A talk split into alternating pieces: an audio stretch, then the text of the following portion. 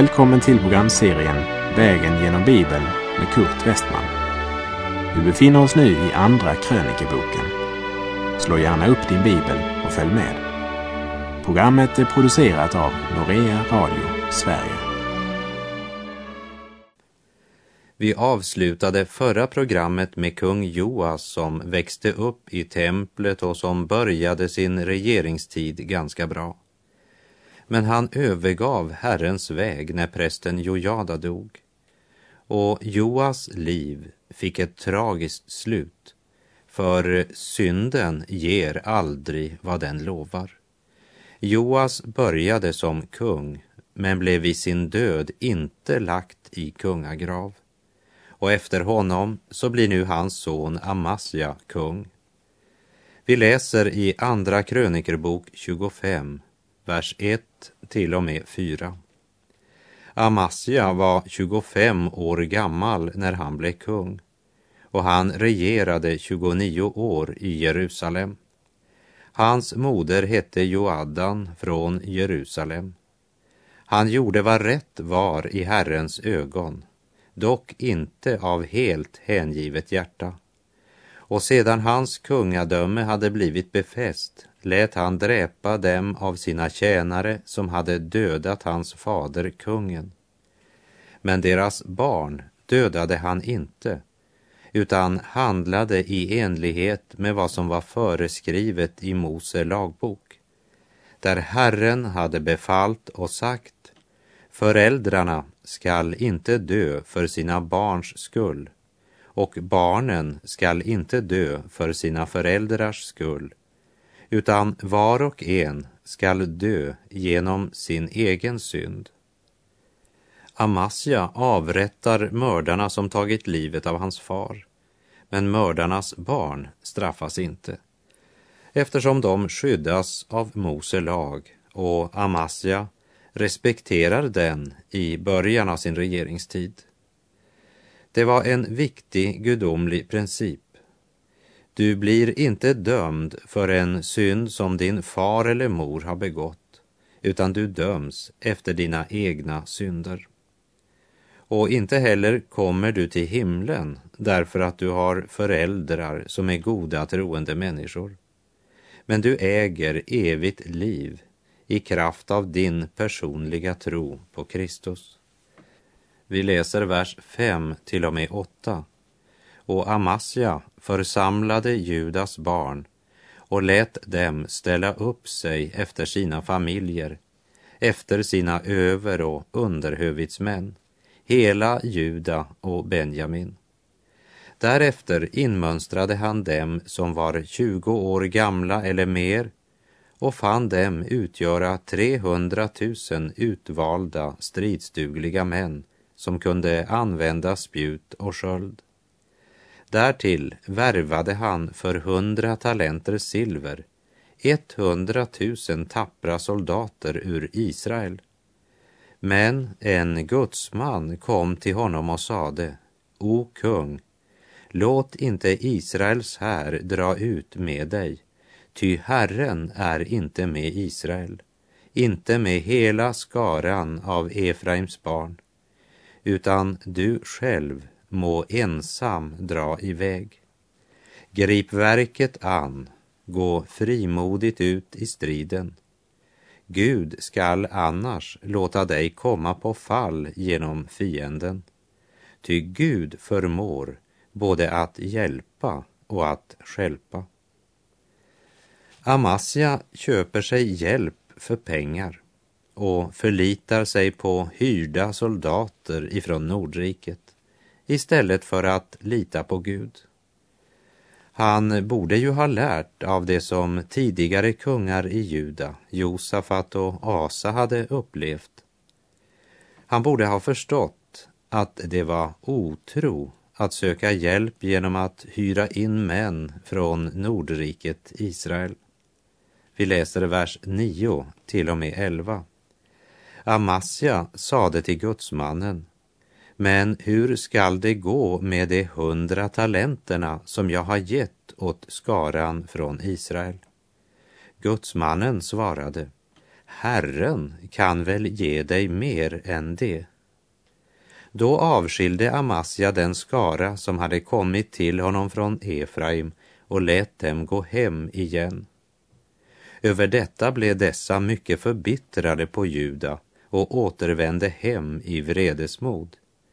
Men Amasja tog mod till sig och tågade ut med sitt folk och tågade till Saltdalen och nedgjorde där av Seirs barn tiotusen. Amasja gjorde som Herrens profet hade sagt. Han skilde Israels armé från sin egen och sände dem hem igen. Och Gud gav honom seger över Seirs barn i den kamp som utkämpades i närheten av Döda havet.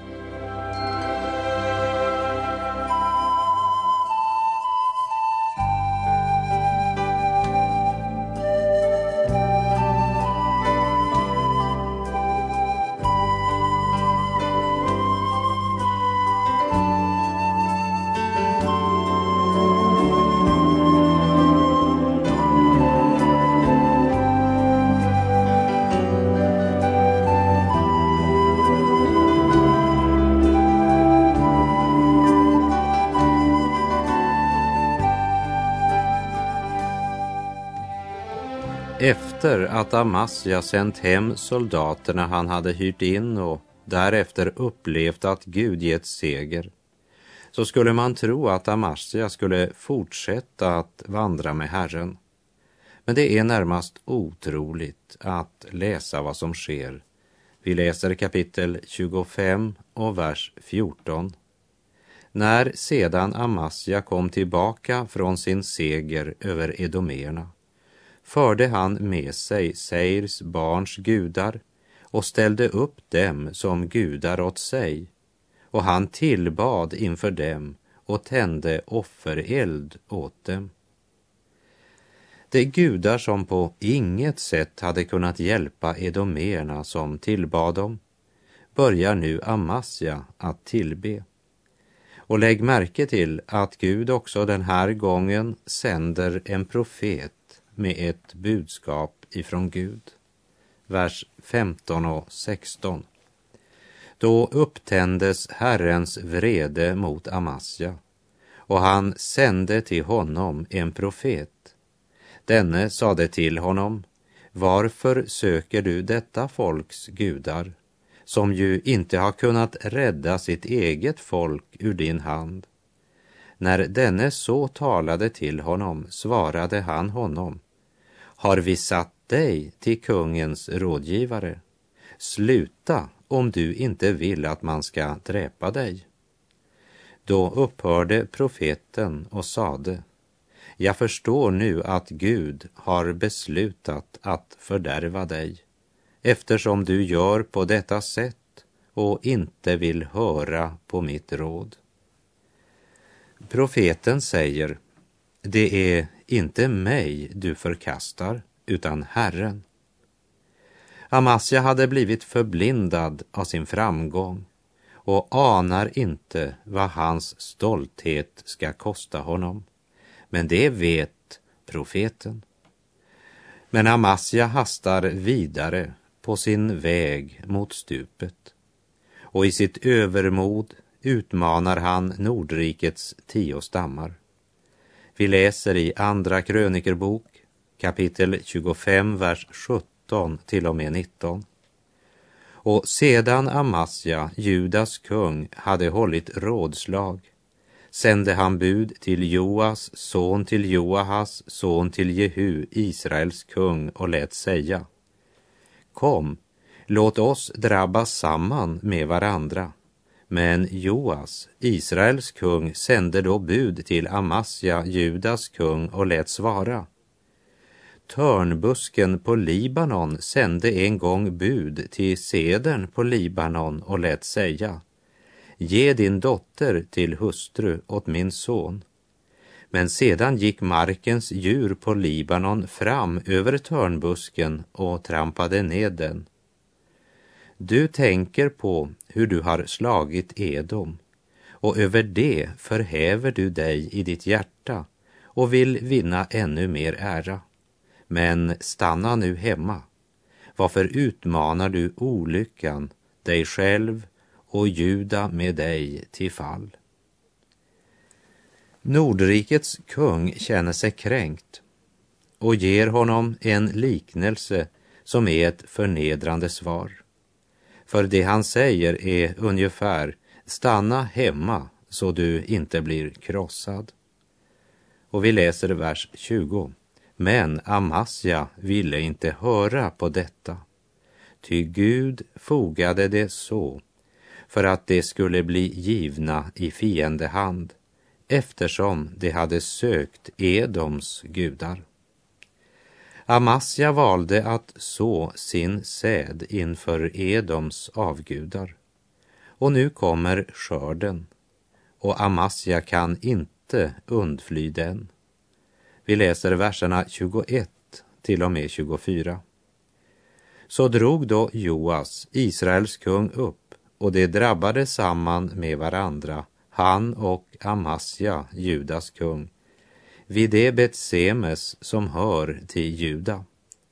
Och Judas män blev slagna av Israels män och flydde var och en till sin hydda.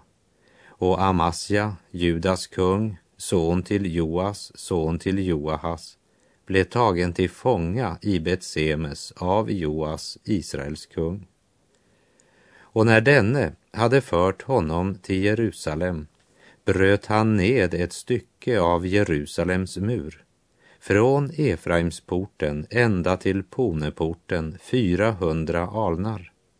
Och han tog allt guld och silver och alla kärl som fanns i Guds hus hos Obed-Edom och kungshusets skatter och dessutom gisslan och återvände så till Samaria. En eh, lättvunnen seger för Israel. Det var Gud som på det här sättet bokstavligen uppfyllde profetvarningen som Amasja förkastat. Och profeten hade ju sagt, jag förstår nu att Gud har beslutat att fördärva dig eftersom du gör på detta sätt och inte vill höra på mitt råd. Och med de två sista verserna i kapitel 25 avslutas Amasja livshistoria. Mannen som började med att hålla sig till Mose lag och lyssnade till profeten som Gud sände, men som blev så berusad av segern Gud gav honom att han började tillbe Edoms gudar. Och han slutade att lyssna till Herrens budbärare och i sina försök att vinna hela världen förlorade han både rikedomen och sin själ. Vi läser verserna 27 och 28. Och från den tid då Amasja avvek från Herren började man anstifta en sammansvärjning mot honom i Jerusalem så att han måste fly till Lakis. Då sändes män efter honom till Lakis och dessa dödade honom där. Sedan förde man honom därifrån på hästar och begravde honom hos hans fäder i Judas huvudstad.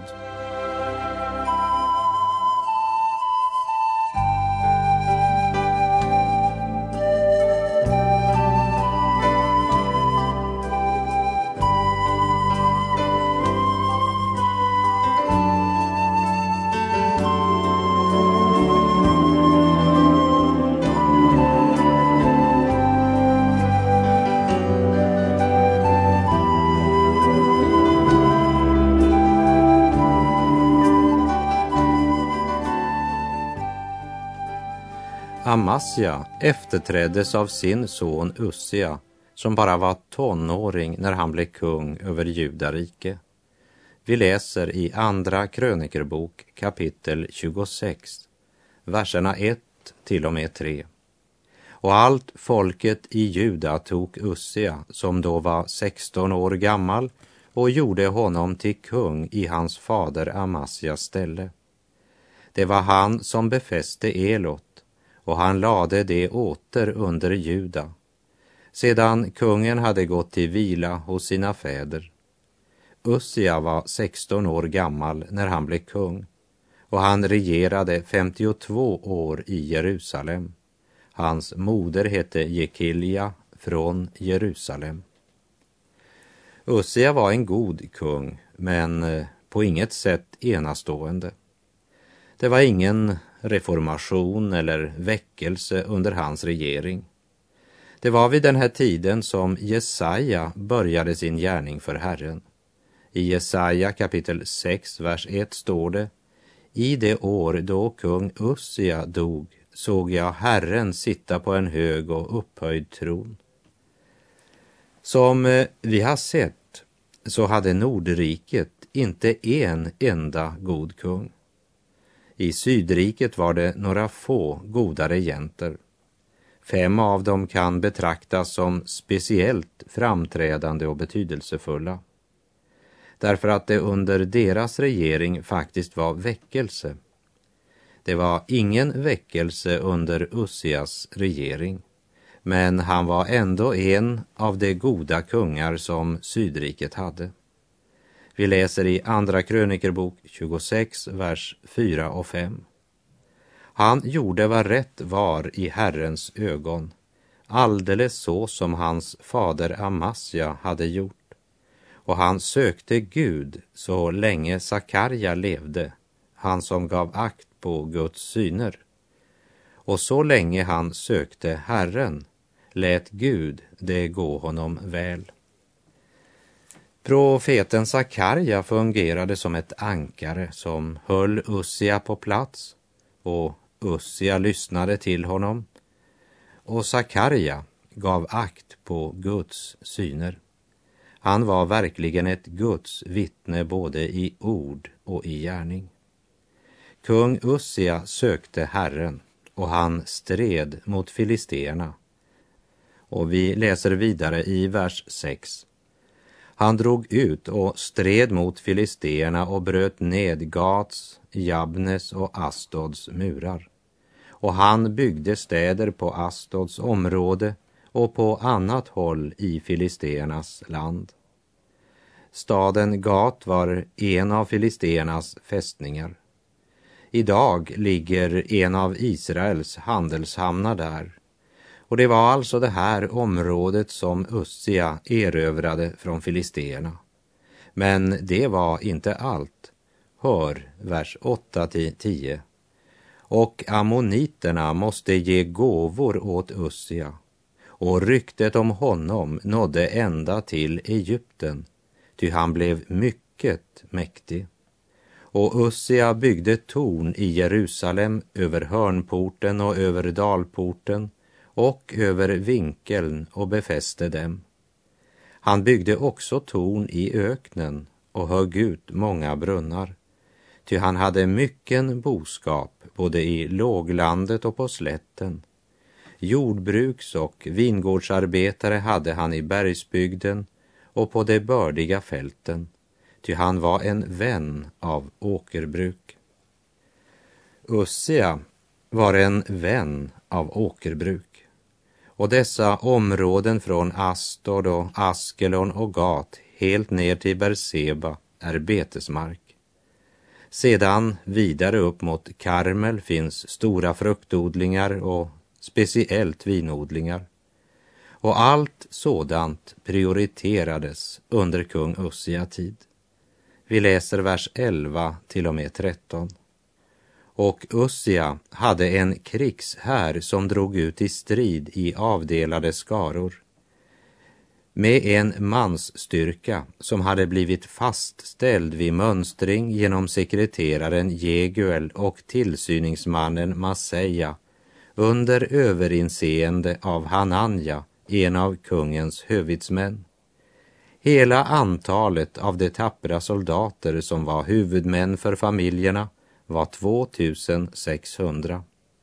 Under deras befäl stod en krigshär på 307 500 män som stred med kraft och mod och var kungens hjälp mot fienden. Juda var en stark militärmakt vid den här tiden som vi ser och vi läser vers 14 och 15 och Ussia försåg hela denna här med sköldar, spjut, hjälmar, pansar och bågar, likaså med slungstenar. Och han lät i Jerusalem göra krigsredskap, konstfullt uttänkta, att sättas upp på tornen och på murhörnen för att med dem skjuta iväg pilar och stora stenar. Och ryktet om honom spreds vida omkring, ty underbart hjälptes han fram till makt. En eh, efter tidens förhållanden välutvecklad krigsindustri. Och vi lägger märke till att det är Ussia som står bak allt detta.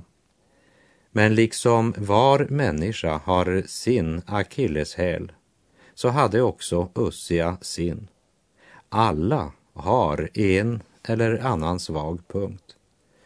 Och många gånger så är framgång det värsta som kan hända oss. För framgång och mänsklig ära gör så lätt människan stolt. Och just stolthet och högmod blev kung Ussias fall. Vi läser vers 16.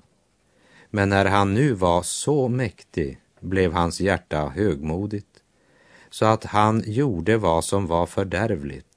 Han förbröt sig trolöst mot Herren sin Gud genom att han gick in i Herrens tempel för att tända rökelse på rökelsealtaret.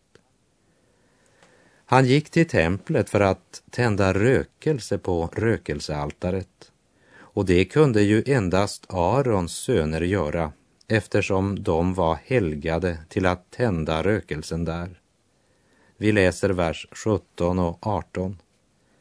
Då gick prästen Asarja in dit efter honom, följd av åttio av Herrens präster, oförskräckta män. Dessa trädde fram mot kung Ussia och sade till honom, det åligger inte dig, Ussia, att tända rökelse åt Herren, utan det åligger prästerna, Arons söner, som är helgade till att tända rökelse.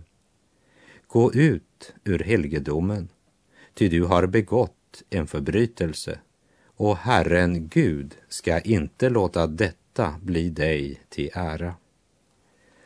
Prästerna hade både skyldighet och rätt att neka kungen göra detta.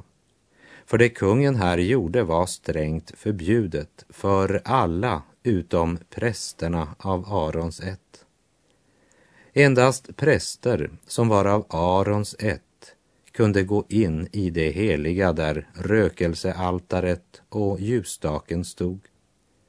Vi läser vers 19. Då for Ussia ut i vrede där han stod med ett rökelsekar i sin hand för att tända rökelse. Men just som han for ut mot prästerna slog spetälska ut på hans panna i prästernas närvaro inne i Herrens hus bredvid rökelsealtaret. Här kommer Guds straff omedelbart för det som Herren här gör ska vara ett vittnesbörd för alla. Vers 20 och 21. Och när överste prästen Asarja och alla prästerna vände sig till honom och fick se att han var spetälsk i pannan, drev det strax ut honom därifrån. Själv skyndade han också ut, eftersom Herren på detta sätt hemsökte honom. Sedan var kung Ussias spetälsk för hela sitt liv och bodde i ett särskilt hus som spetälsk, ty han var utesluten från Herrens hus. Hans son Jotam förestod då kungens hus och skipade rätt åt folket i landet. Vad nu mer är att säga om Ussia om hans första tid såväl som om hans sista, det har profeten Jesaja, Amos son, tecknat ned. Och Ussia gick till vila hos sina fäder och man begravde honom nära hans fäder utanför kungagravens mark. Detta med tanke på att han hade varit spetälsk. och hans son Jotam blev kung efter honom. Ussia var mannen som hade försökt närma sig Gud eftersom hans egna tankar ledde honom. Han kom inte på Guds sätt och blev därför spetälsk. Spetälska var en fruktansvärd sjukdom. Liksom synden är fruktansvärd i sitt väsen. Också idag finns det många som vill komma till Gud på sin egen väg och inte på Guds. I Johannes 14, vers 6 säger Jesus Jag är vägen, sanningen och livet. Ingen kommer till Fadern utom genom mig.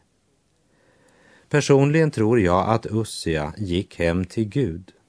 Han hade syndat och Gud dömde honom för det, så att det blev uppenbart för alla att helig, helig, helig är Herren Sebaot.